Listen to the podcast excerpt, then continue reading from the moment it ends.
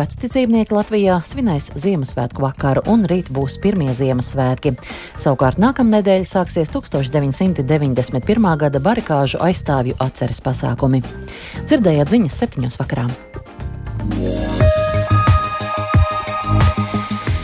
Šobrīd Rīgas centrā gaisa temperatūra - mīnus 2 grādi, pūš ziemeļvējš 7 m2, brīžiem brāzmās 10 m2, gaisa mitrums 68%. Naktī daudz viet īslaicīgi sniks, vietām intensīvi un vietām putinās, jo vēja brāzmas brīžiem līdz 17 m2. Gaisa temperatūra 0,9 grādi, augstākais būs valsts austrumos. Rītdien galvenokārt ziemeļa austrumu novados sniegs un putenis. Vidzemē un latgalē rietum vēja brāzmas līdz 15 m2, bet kur zemē gaidāms lēns vējš. Gaisa temperatūra rītdien 0,3 3, piekrastē 0,3 grādi.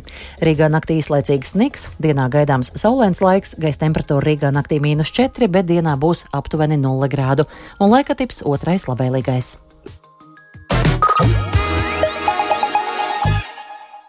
Latvijas Radio 2.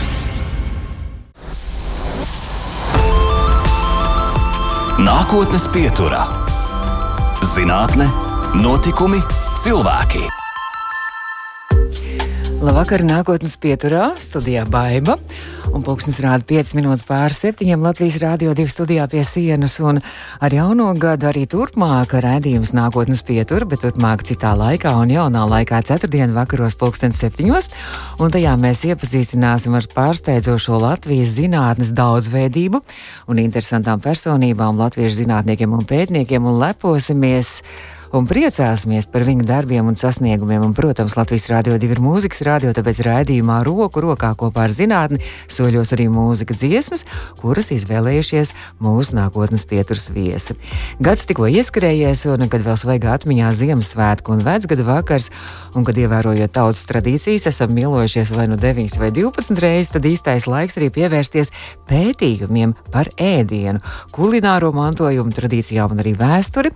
Un tieši tāpēc saku labvakar mūsu nākotnes pieturas viešņai kurā ir ēdienu kultūras pētniece un gastronomijas vēstniece, mākslas zinātņu doktore Astra Spalvēna. Viņa ir pārliecināta, ka ēdiens ir pilntiesīgs akadēmisks pētījuma objekts un pašai debija kulinārijas mākslā esot bijis sešu gadu vecumā ar pankūkām. Labvakar, Astra!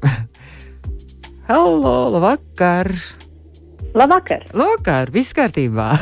Nu, protams, mūsu attālinātā viesiņa, kā jau tas pēdējā laikā ir ierasts, un par tiem Ziemassvētkiem un to veca, vecā gada vakaru, kā tur ir īsti? Ir tie 9 vai 12 ēdieni, vai vienkārši jāēd 12 vai 9 reizes? Es domāju, ka jāēd no sirds, cik vien gribās, bet, uh, ja runā par tādiem ticējumiem, tad laikam pareizi ir, ka jāēd deviņas reizes Latvijas, latviešu folklorā. Mm -hmm, deviņas reizes jūs pati kā sanāca to izpildīt, ievērot? Šogad nē, šogad ļoti mierīgi un tāda īsa bija svētku, svētku brīdis un nebija laika deviņām ēdienreizēm. Bet runājot par jauno gadu, tad tiešām nu, man liekas, ka daudzām tautām ir visādi ticējumi par to 12. Es, es lasīju, ka Spānijā un Portugālē pusnaktī, piemēram, mēs ēdot 12 vīnogas, un tas simbolizē to nākamā gada 12 mēnešus. Un, un citur atkal ir tie apaļie ēdieni jāēd. Un, kāds jūs vēl varētu kā, no pasaules minēt arī kaut ko tādu interesantu, kas ir atšķirībā no Latvijas, kas ir tajā vecgada vakarā jādara uz galda, ar galdu, pie galda?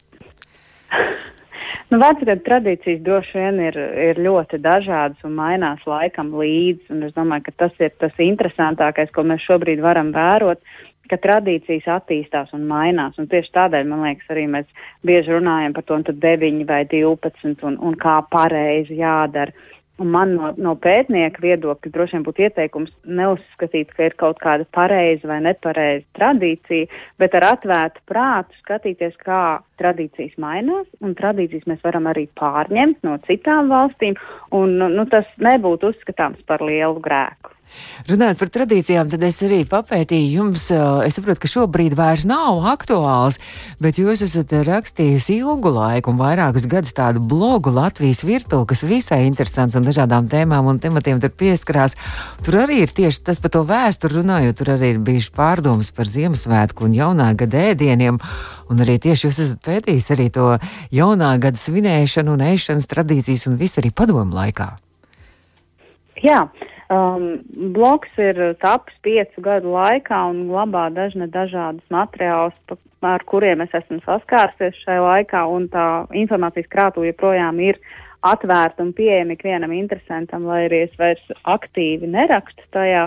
Un attiecībā uz svētku tradīcijām, nu, ļoti interesants veids, kā vispār skatīties uz ēdienu kultūru, ir caur pavāra grāmatām, un tas ir arī tas, eh, ko es esmu izme, izmantojis par tādu pamatu avotu, skatīties, kā tad pavāra grāmatas runā par svētkiem. Un interesanta lieta, ko man ir izdevies novērot pavāra grāmatās, ir tas, ka nevienmēr svētku svinēšana ir uh, tieši tradīcija glabāšana. Bieži vien svētki ir iespēja uh, izmēģināt kaut ko jaunu, piedāvāt saviem viesiem kaut ko jaunu. Svētki ir arī atvērti jaunajam, un pavāra grāmatas bieži vien rāda tieši šo te jauno. Uh, un, protams, tradīcijas īpaši ļoti labi zināmas tradīcijas, nu, tās pat reizēm izrādās, ka nav bijušas pierakstīšanas vērtas. Savukārt attiecībā uz padomju laiku, nu, tas ir vesels kaut nu, tāds pētījumu lauks, kā ir mainījusies un veidojusies virtuve padomu laikā. Un tur, protams, viens no tādiem interesantākajiem aspektiem ir tieši tas, ka Ziemassvētki kā, kā tradīcija kopums, kā reliģiski svētki, arī kā zemkopju kalendāri ļoti nozīmīgi svētki, kā salgrieži, tiek iepludināti jaungada tradīcijā. Un padomu laikā priekšplānā izvirzās jaungada svinēšana, un, protams, ka tas ir nu, tāds ļoti piesātināts un daudzslāņains tradīcija tāds parādīšanas brīdis, jo jaungada svinēšanai bija jāuzsūc daļēji arī tie svētki, kas vairs padomu laikā ideoloģiski iemeslu dēļ netika svinēti, respektīvi Ziemassvētki. Nu, jau kā tas ēdiens arī kaut kā mainījās tajā padomu laikā, salīdzinot ar, piemēram, ar mūsdienām vai, vai, vai ar senajiem latviešiem?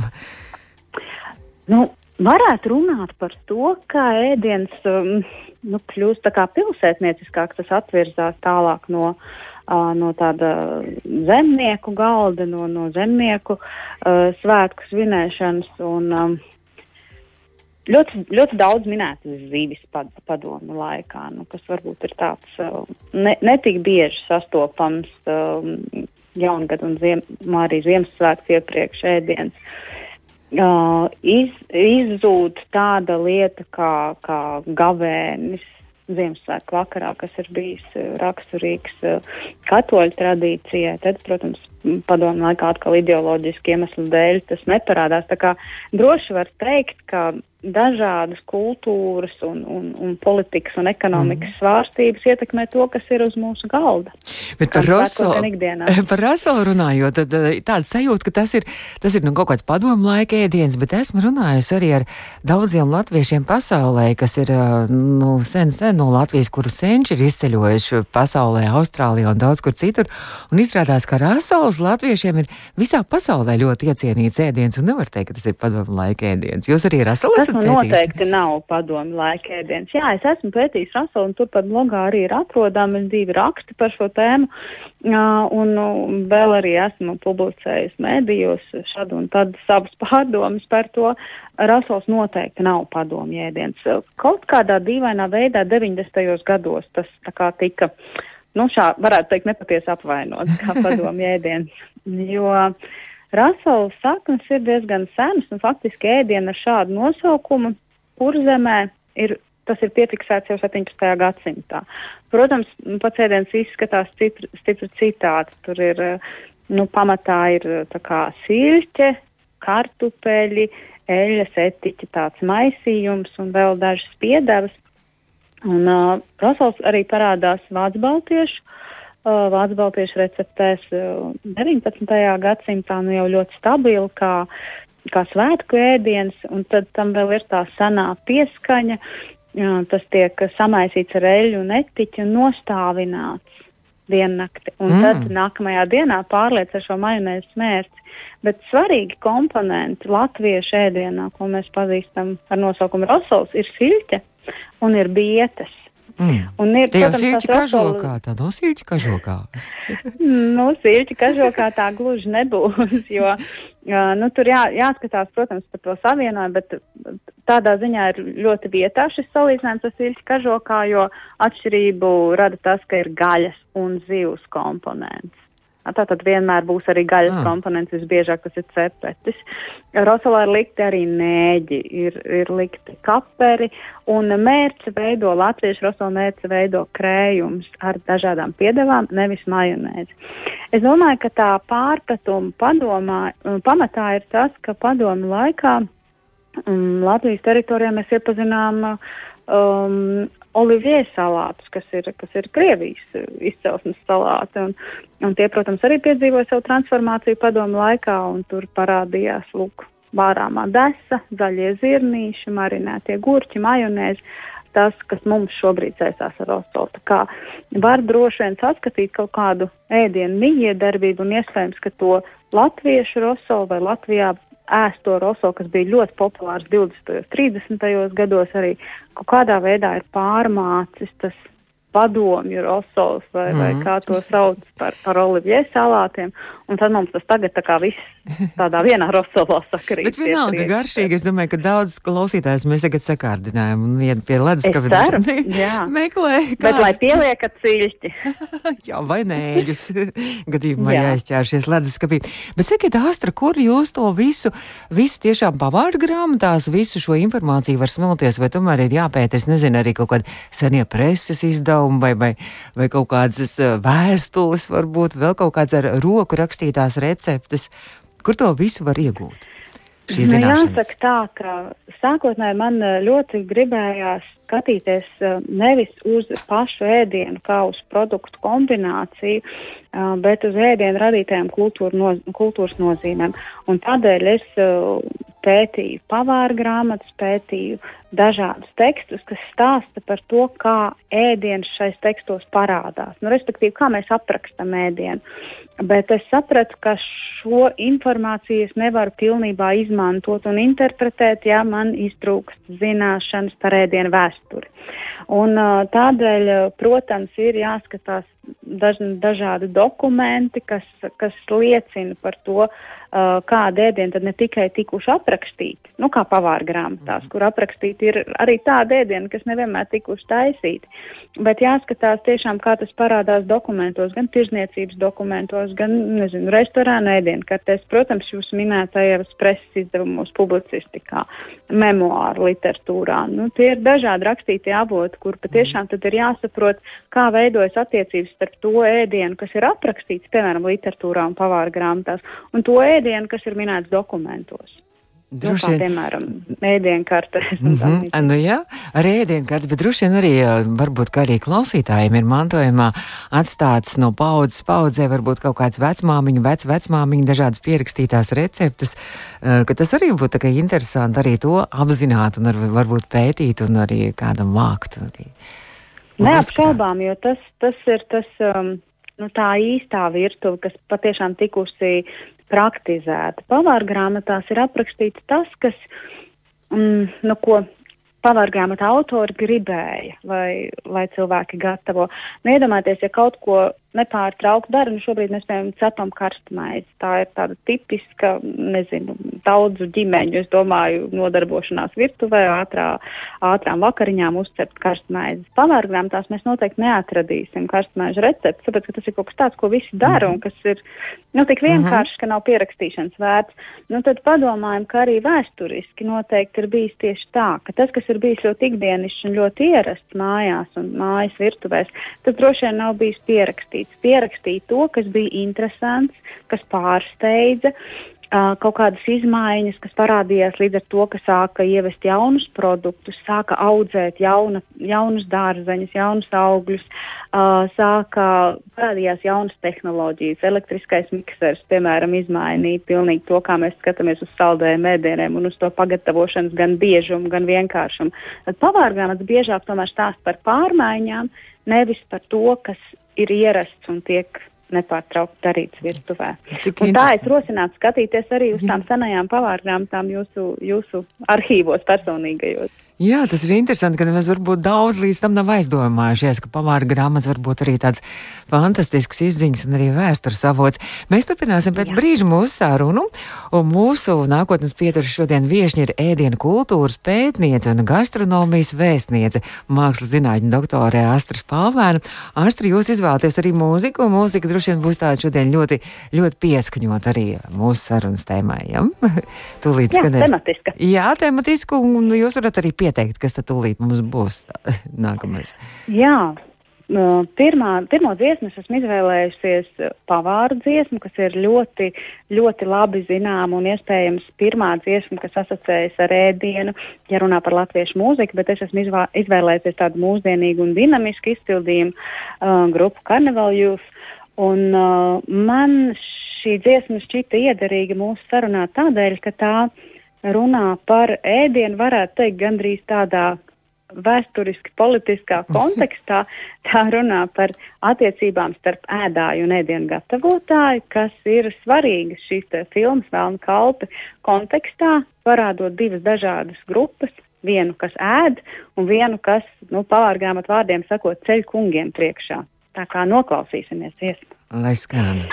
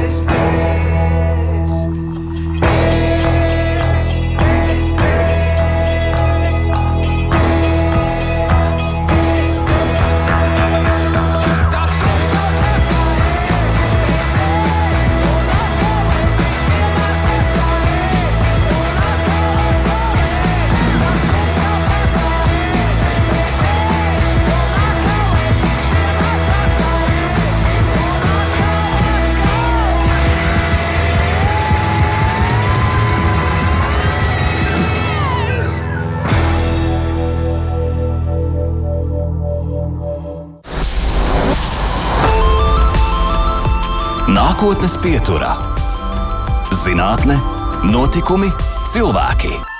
Turpinām nākotnes pieturu Latvijas Rādio 2 metrā, 4. vakaros, pulksten 7. Un, protams, arī podkāstu vietnēs un arī pēc tam audio sēdi mūsu mājaslapā. Mūsu viešņi šodien ir mākslas zinātņu doktore Astra Spalvēna. Astra, jūs esat tiešām mākslas zinātņu doktore, jo droši vien arī šī kulinārija un šis kulinārais mantojums un viss tas tomēr ir māksla.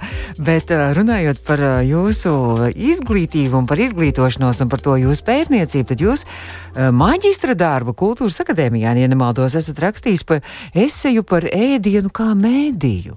Mēdījis ir Latvijas Rādio 2, vai, vai ēdiens arī var būt mēdījis? Uh, ēdiens var būt mēdījis, un tas man šķita viens no tādiem ļoti interesantiem apgalvojumiem, kādēļ es pievērsos šai tēmai. Jāteic, gan, ka tas nebija mans maģistra darbs, maģistra uh, maģistra studiju laikā ah. es rakstīju eseju ah, vienkārši eseju. Vienkārši vienam priekšmetam eseju. Neatceros ah. pat kādam, jāsaka tā. Un domāju par to, ka cik interesanti mēs par mēdī tiešām uzskatām Latvijas radio, laikrakstu, mm -hmm. internetu portālu.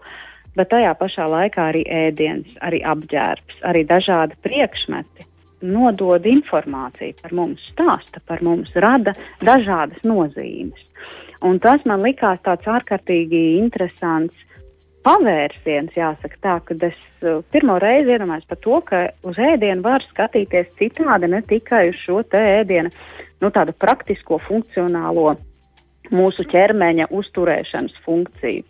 Un tā es nonācu pie savas doktora disertācijas Latvijas Kultūras Akadēmijā, kuru es rakstīju profesors Teters vadībā, kas ir semiotikas profesora, un esmu viņai ļoti pateicīga par to, ka viņa patiešām ietekmē to, kā es skatos uz ēdienu, uz šo te kultūras nozīmi lauku un tas pat reizē man ļauj ignorēt to funkcionālo dimensiju, to, kā mēs ēdam, ko mēs ēdam, kādi produkti, kā iet kopā, bet fokusēties tieši uz tām nozīmēm, ko ēdiens rada kultūrā, arī mākslā, literatūrā, kino. Tad, kad mēs redzam, parādāmies ēdienu kādā no šiem mākslas veidiem, mēs jau saprotam, tas nav bijis nejauši. Mhm. Mākslinieks, radītājs to ar kaut kādu konkrētu nolūku tur ir ierakstījis. Un mans uzdevums un arī mana vislielākā interese ir saprast, kāpēc ēdiens atrodas dažādās citās šais mākslas jomās un ko tas pastāsta par mums, par mākslas darbu, par kultūru kopumā. Jūsu dok doktora disertācijas nosaukums bija ēdiena adaptāciju zīmju sistēmās kultūra kontekstuālā analīze. Ļoti, precīzi. ļoti sarežģīts. Tas bija pirmais akadēmiskais, tiešām vienīgais arī Latvijas ēdienu kultūrai veltītais darbs, akadēmiskais. Tajā brīdī noteikti, jo es patiešām izvēlējos to ceļu neskatīties uz ēdiena praktisko dimensiju un skatīties uz ēdienu kā uz šādu zīmju sistēmu, ko ēdiens stāsta par mums. Gan jau minē, kā minēja, mm -hmm. caur literatūru, kino mākslu, gan caur valodu, kā mēs runājam par ēdienu un tiešām distancējoties no, no uzturzinātniskās vai no pārtikas tehnoloģijas dimensijas, ko, protams, nosaka arī augstskola, kurā es aizstāvēju disertāciju. Mm -hmm. Mans darbs bija par kultūru, caur ēdienu, nevis par ēdienu. Runājot par zinātni, mākslu, mūziku, mēs sakām, ka tai nav robežu. Eh, un tā ir nu, viena, vienā mūzikas valodā, vienā runā visa pasaule. Kā ir ar ēdienu? Vai ēdienam ir robežas, vai arī ir kaut kāda kopējā starptautiskā valoda ar ēdienu, caur ēdienu var sarunāties? Nu, to jūs ļoti skaisti pateicāt par robežu nēsamību. Es domāju, ka noteikti mēs varam saprasties ar ēdienu palīdzību, mēs varam nodot informāciju tādā universālā valodā, kas ir kopīga daudzām kultūrām. Šīs universālās struktūras mēs varam redzēt šķērsojam valstu robežas, šķērsojam laika robežas. Patiešām ēdiens ir kaut kas tāds ļoti fundamentāls mūsu kultūrās, kas um, pat pakļaujoties dažādām laika transformācijām, dažādām izmaiņām, tomēr saglabā nu, kaut ko ļoti būtiski nemainīgu. Arī kultūrā ēdiens ir viena no ļoti lēni mainīgajām lietām. Tādēļ, kā mēs sarunas sākumā minējām Ziemassvētkus, cūkas šņukurs, kas nāk no tādas ļoti senas pasaules mūsdienās, nu, teiksim, mums vienmēr ir jāpiepūlās, kur to šņukuru dabūt, jo mēs esam pieraduši pie, pie plasmasā iepakotām lietām. Tad tas, šis arhaiskais šņukurs joprojām nu, cauri gadsimtiem ir uz mūsu svētku galda. Tā kā jā, ēdienam piemīt nu, tāda mm, varbūt atteikšanās strauji mainīties. Un, un tas, protams, to padara ļoti interesantu pētniecībai, un tas arī ļauj saprasties cilvēkiem dažādās kultūrās. No otras puses, protams, starp kultūrām pastāvošās ēdienu atšķirības arī ir interesants izpētes objekts tieši tādēļ, ka tās var izraisīt ļoti lielu neizpratni un tādu ksenofobisku attieksmi, nu kā bailes no svešā, kas ir šie cilvēki, kas ēd šīs jocīgās lietas, kas mums ir nepieņemamas. Ne? Mēs varam iztēloties, visbiežāk mēs saskaramies ar to ceļojumos. Mēs aizjūtam, ah, kāds, kā viņi to var ēst. Mēs neko tādu nekad neesam. Ne caur ēdienu mēs kaut kā sevi identificējam, un mēs nošķiram sevi, savu kopienu, mēs, kas ēdam vienādu ēdienu, no tiem, kas ēd kaut ko citādu, svešu. Bet Tas ir tāds identifikācijas mm -hmm. jautājums. Bet jā, pašā laikā dodoties arī uz citām zemēm, ceļojot, arī mēs ļoti labprāt arī izmēģinam to vietējo virtuvi, un arī caur to tad mēs arī, arī iepazīstam šīs valsts un citas, jā. citas tautas arī kultūru tajā pašā laikā, vai ne? Jā. Neapšaubām, tas ir tāds ļoti labs veids, kā mēs varam pietuvoties citai kultūrai, skatoties ne tikai uz šiem produktu savienojumiem, bet uz to, kā tas tiek ēsts, kā tas tiek pasniegts, kāda rituāli ir saistīta ar ēdienu. Tas parasti ir kaut kas vairāk nekā tikai nu, tie atsevišķi produkti ar tiem piemītošajām īpašībām, bet tāds patiešām nu, kultūras ainakums parāda vienas vakariņas svešā zemē. Mēs turpināsim pēc brīža vēl mūsu sarunu, ja mums ir atkal laiks. Es nezinu par to kultūru, mēs tagad uh, turpinām ar mūziku vai, vai par to, par to, par kaut ko citu, vai tas būs par ēdienu vai tomēr nē. Jūs varat nākošo dziesmu arī pieteikt mums ēterā, jūs Jā. izvēlēto. Um. Nākamo dziesmu es izvēlējos uh, Edgara Lietiņa izpildīto dziesmu Čiļķens un Klimpa, un izvēlējos tieši tādēļ, ka šī ir dziesma, kas ir par ēdienu un nav par ēdienu, ir par kaut ko citu. Uh, šis albums, kurā ietverts dziesmas Ilķens un Klimpa, tapis uh, 79. gadā.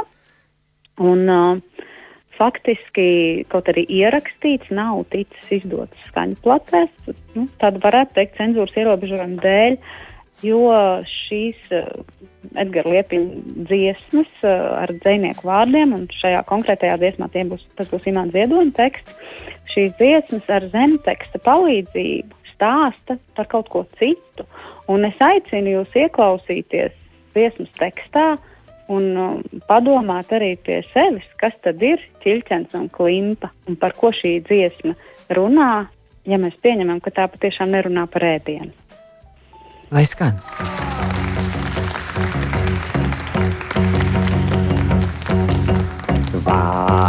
Varijas ķilķens un klimpa Katla, katla vienā, baltajos garaiņos, baltajā pjāna, vai no tos burbuļi mētāja, vai no tie paši tā bijāt, bet ķilķēns ar klimpu kopā savarījās, vēlāk saradās bērni, tagad kā būt ar viņiem, sauktos par mazajiem klimpām vai saukt par ķilķēniņiem. Tas jau no gan ir tiesa, ka visiem šai katlā mums jālodā, bet kā lai šie bērniņi runā klimpu vai ķilķēnu valodā. Oh, oh.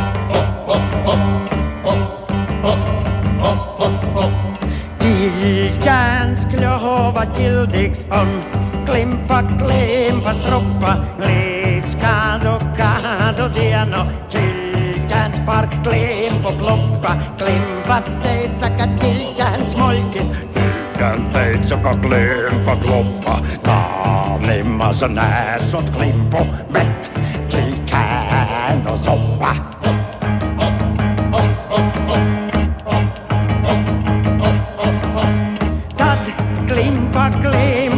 zupa. kliedza, ejam katrs uz savu pusi un ķēra aiz rokas bērnus, ko bija dzemdējusi, bet bērni katla dibenā bija saķepuši viena galodā un runāja nesaprotami, ne vairs klimpu, ne ķilķēnu valodā.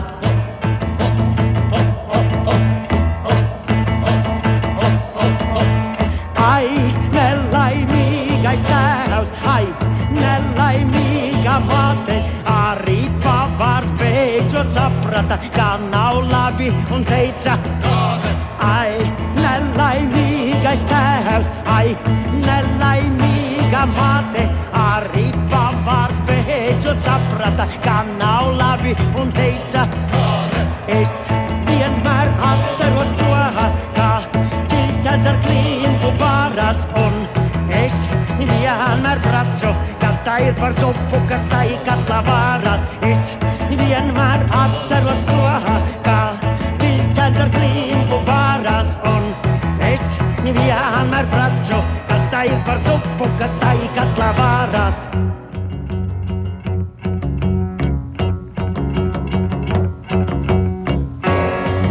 Jāskie vilcens un klimpa, katlā, katlā vienā.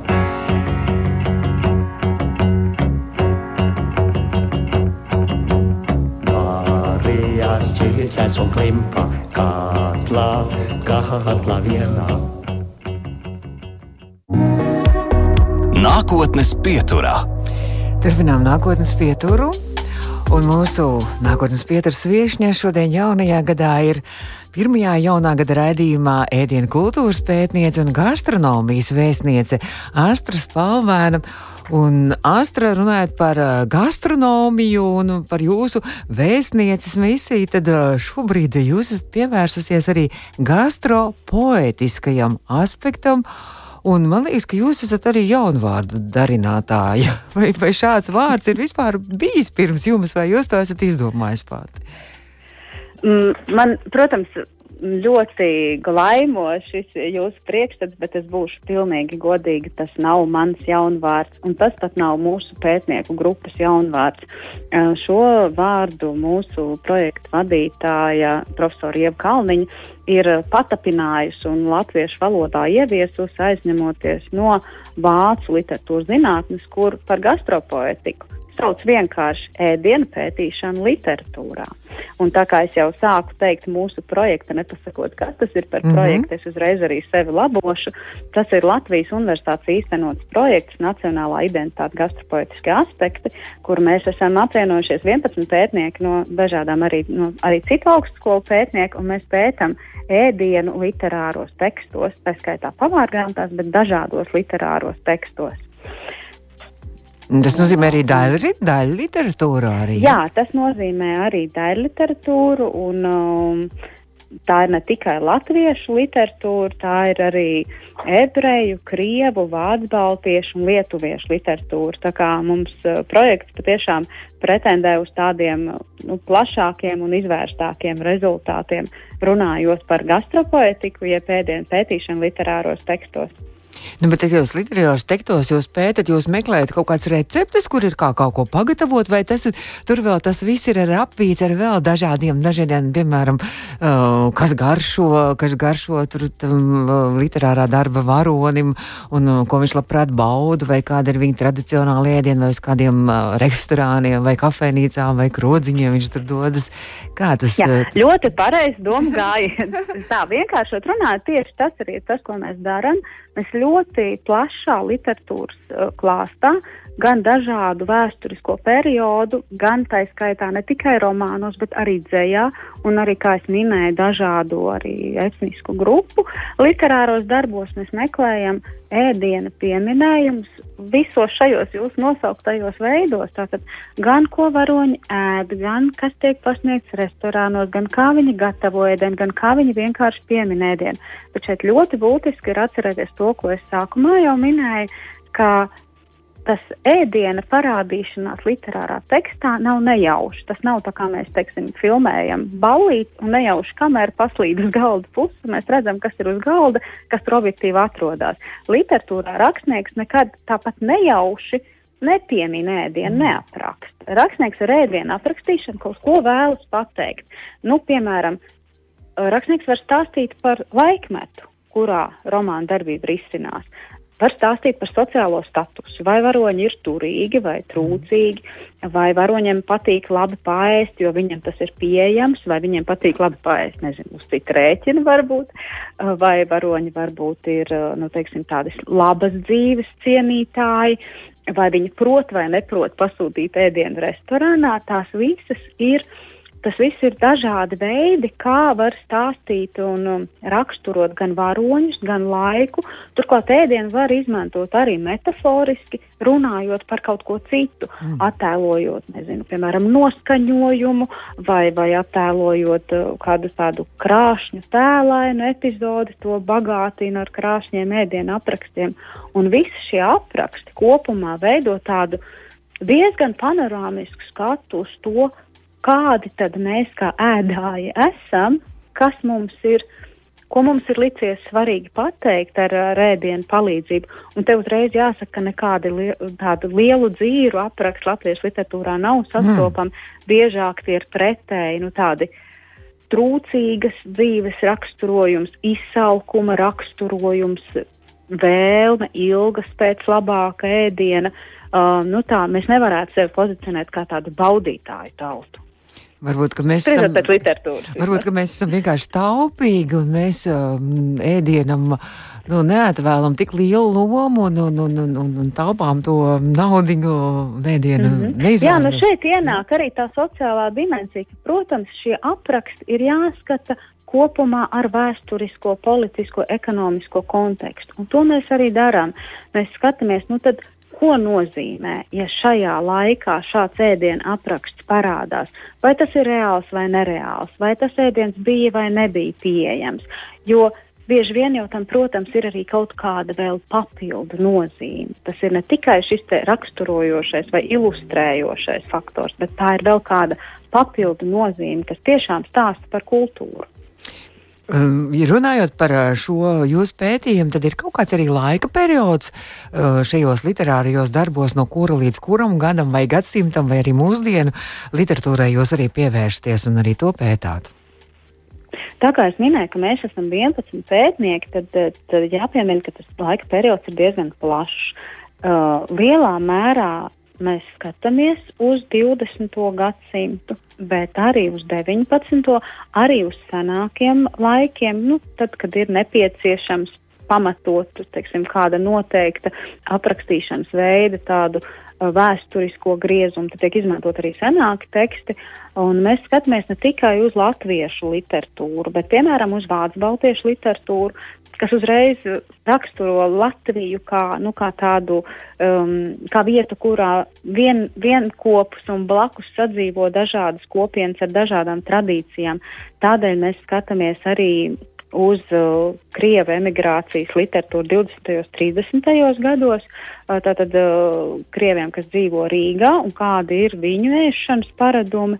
Uh, mēs skatāmies uz ebreju literatūru, kas ir tapus Latvijā un Baltijā. Uh, Un interesanti, ka, lai šo ainu padarītu tādu pilnīgu, mums ir divi pētnieki, kas pēta literāros tekstus, kas ir tapuši trimdā ārpus Latvijas, mm. latviešu radītie teksti trimdā. Un tie ir savukārt ļoti izteikti mūsdienu. Um, gan, gan, mm. agrāk, gan, gan agrāk, gan trimdas periodu, gan arī mūsdienu emigrācijas teksti, kas ir tapuši. Tā kā uh, es domāju, ka projektam noslēdoties, kas notiks uh, šī gada nogalē, uh, mēs būsim ieguvuši nu, tādu ļoti bagātīgu materiālu. Tātad veselu gadu, vēl gads ir tikko sācies. Tas nozīmē, ka visu gadu jūs jau turpināt darbu pie šī pētījuma. Šis ir trešais gads, trešais noslēdzošais Aha. gads. Pēc tam to varēs arī kaut kur izlasīt, kaut kur tie, kas uh, ir interesējušies arī tā. Jā, šobrīd top monogrāfija, kas ir tapusi uz mūsu zinātniskās konferences pamata, un monogrāfija būs pieejama gada beigās, kur būs apkopoti raksti par nu, faktiski gandrīz par, nu, par katra projekta pētnieka darbu un arī par uh, tiem uh, pētniekiem, kas iesaistījās ēdienu pētīšanā no citām valstīm vai, vai arī no pavisam citiem, uh, citām disciplīnām. Tā kā ļoti bagātīgs krājums būs pieejams šī gada nogalē. Visai interesanti. Mēs gaidīsim ar nepacietību, savukārt klausītājiem jāsaka, ka viņi noteikti var ielūkoties. Jums ir arī sava mājaslapa, kur arī ļoti daudz interesantas lietas. Piemēram, es uh, palasīju arī par fermentāciju, kas man likās, nu tā ir laikam vienkārši, vienkārši konservēšana, bet tur ir arī milzīgs, milzīgi apjomīgs pētījums. Jums ir veikts sākot ar, ar pašiem pirmsākumiem, un, un kā jūs smiļaties tās idejas, un kā jūs izdomājat tēmas. Uh, pie kurai pieķerties, kuru tēmu tādu šobrīd izvirzīt par vadošo? Nu, jāsaka tā, ka man ir divas tādas uh, manu pētniecisko ceļu iezīmējošas tēmas. Tā ir pavāra grāmatu vēsture, kurai šobrīd jau tuvojos finālam. Es to esmu pētījis vairākus gadus un ceru tādā fundamentālākā, fundamentālākā veidā to izdot drīzumā. Bet cik ir vispār un tās pavāra grāmatas latviešiem? Ko pētīt? Latviešiem uh, Pirmā pavārgrāmata ir izdota 1795. gadā, un kopš tā laika līdz 2012. gadam, tātad gads, kurā es esmu pielikusi punktu, uh mhm. -huh. lai nepietuvotos pārāk tuvu. latviešu valodā sarakstītas, nevis tulkotas, Jā. bet sarakstītas latviešu valodā ir gandrīz 700 valodgrāmatas. Tā kā tur ir Pārsteigums ir ko pētīt. Un otrs, kas jums ir tas aktuālais? Un otra lieta, kas man patiešām interesē, tas droši vien būs tāds nāk, nākamā, nākamības projekts, ir padomi virtuve un padomi laiks. Skatoties lielā mērā arī uz individu un varas attiecībām, un patiesībā virtuve tur paver ļoti plašu pētniecības spektru, bet, protams, man interesē arī ēdiens mūsdienās.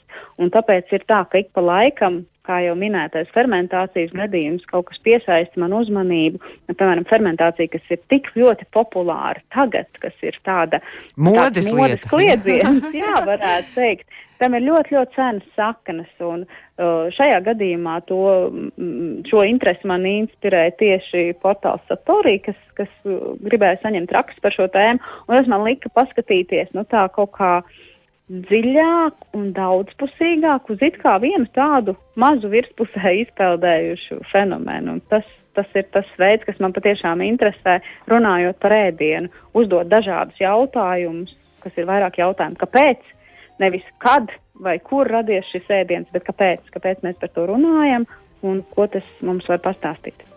Man saka, jāsaka liels paldies, ka jūs atvēlējāt laiku Latvijas Rādio 2 mūsu klausītājiem un nākotnes pieturēju šajā vakarā. Un uh, mūsu viesņa šodien bija ēdienu kultūras pētniece un gastronomijas vēstniece Astra Spalvēna. Astra saka paldies jums, un mums laiks redzījumam jau tuvojas strauji beigām, un vēl tikai atlikusi viena dziesma, kas, protams, arī jūs izvēlēt, un arī nu, ne jau, nebūs nejauša, vai ne? Jā. Uh, kā pēdējo es aicinu noklausīties grupas pērkonas dziesmu, mēs pārtiekam viens no otra. Un tā ir dziesma, kas ir par uh, nu, tādu, varētu teikt, metaforisku kanibālismu, uh, bet šī dziesma ļauj mums um, saprast to, kā, ko es iepriekš minēju, kā literāros tekstos var parādīties ēdiens, nebūt nebūdams ēdiens. Un uh, tekstos šī pārnestā apēšana bieži parādās, lai uzsvērtu tādas sakāpinātas emocijas, vai, tas, vai, vai tā ir mīlestība vai naids, kaut kas tāds, ko mēs nespējam izteikt vārdos, kas ir tik ļoti spēcīgas emocijas, ka mēs tās pārvēršam metaforās un izstāstam caur ēdienu pieredzi, kas visiem ir tik labi zinām un pazīstam.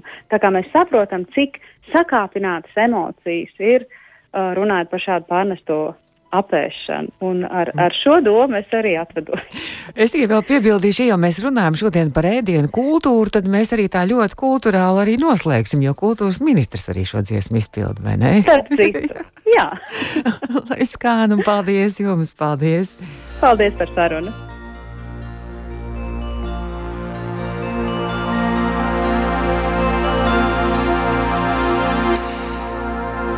Mēs pārtiekam viens no otra, un nevis no pārtikas precēm, un gaisma no tavām acīm nāk lielāka nekā no svecēm.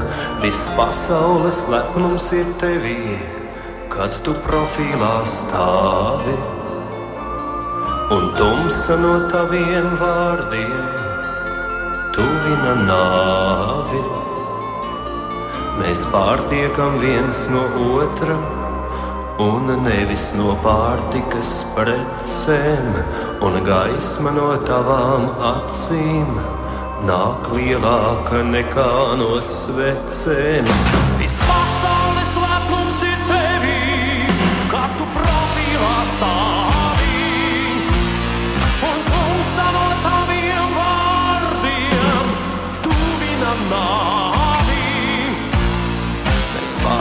Pārtiekam viens no otra, un nevis no pārtikas precēm, un gaisma no tavām acīm. Nāk lielāka nekā no svecēm. Viss pasaules lepnums ir tevī, kad tu profilā stāvi. Un tumsa no taviem vārdiem tuvina nāvi. Aizdzīvosim aiz ilgi, aiz tālu, aiz burtiem, kas aizplīvs secena. Mēs pārtiekam viens no otra, un nevis no pārtikas precēm.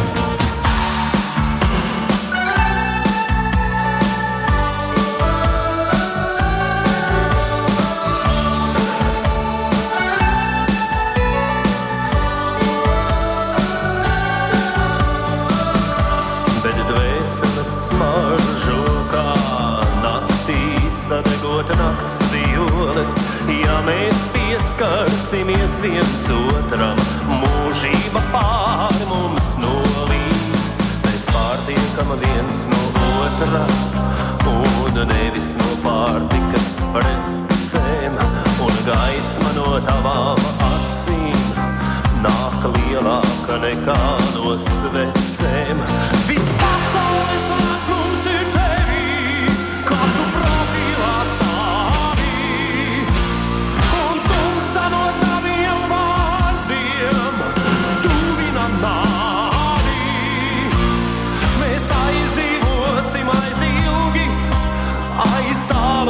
purtiem, kas aizplīv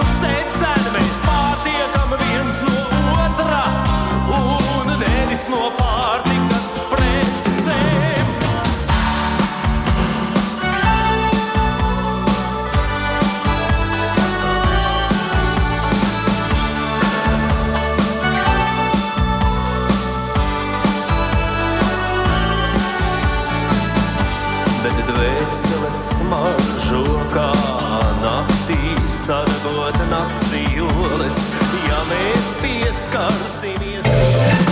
Izskan nākotnes pieturā. Ziemas dziesmas Latvijas Radio 2.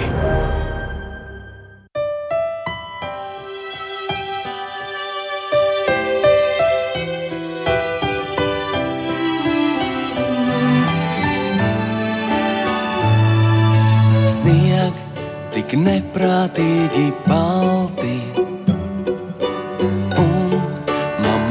kā zemē šonakt augsti, un es nezinu, pa kuru laiku klusi. Mana sirds tā cieši šonakt aizmigusi, mēs šonakt nozaksim. Sniegā eņģeļiem spārnus, sniegā zīmēsim. Vien baltus, baltus sērmus stāstīsim. To sēdniekiem no blakus mājas, un viņi noticēs, jo redzēs mums pie pleciem spārnus.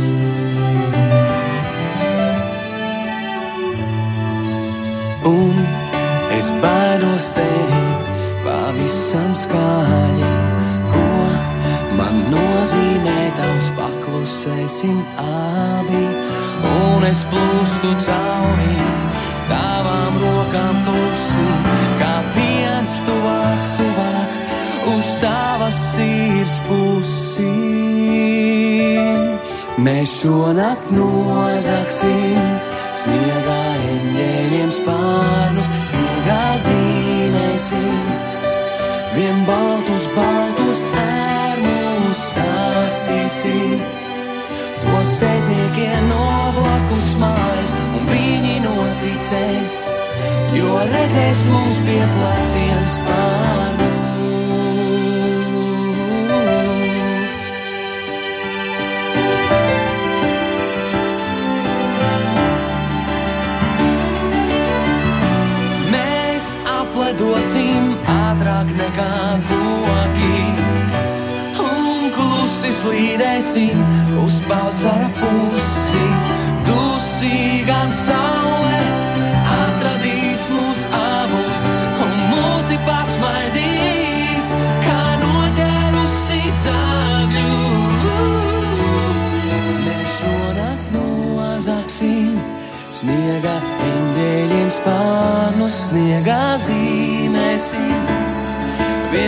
baltus, baltus ērmus stāstīsim. To sēdniekiem no blakus mājas, un viņi noticēs, jo redzēs mums pie pleciem. Mēs pārās nozaksim, sniegā eņģeļiem spārnus, sniegā zīmēsim. Vien baltus, baltus sēdniekiem no blakus mājas, un viņi noticēs, jo redzēs mums pie pleciem spārnus.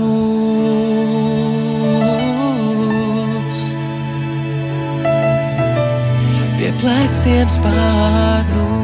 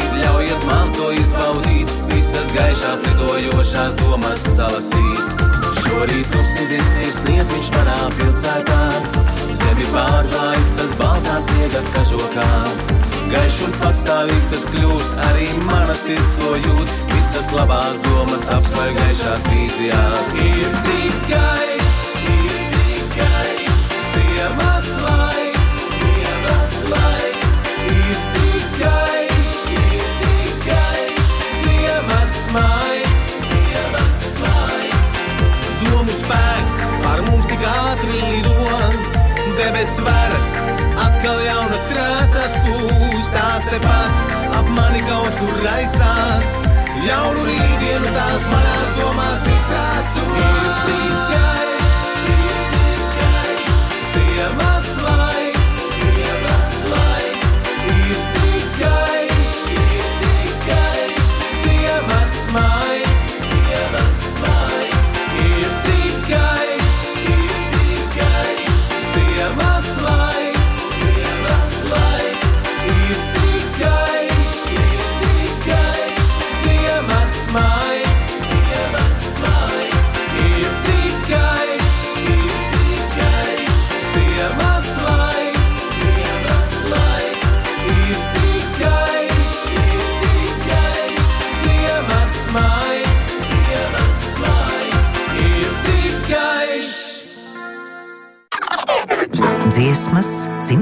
valodā.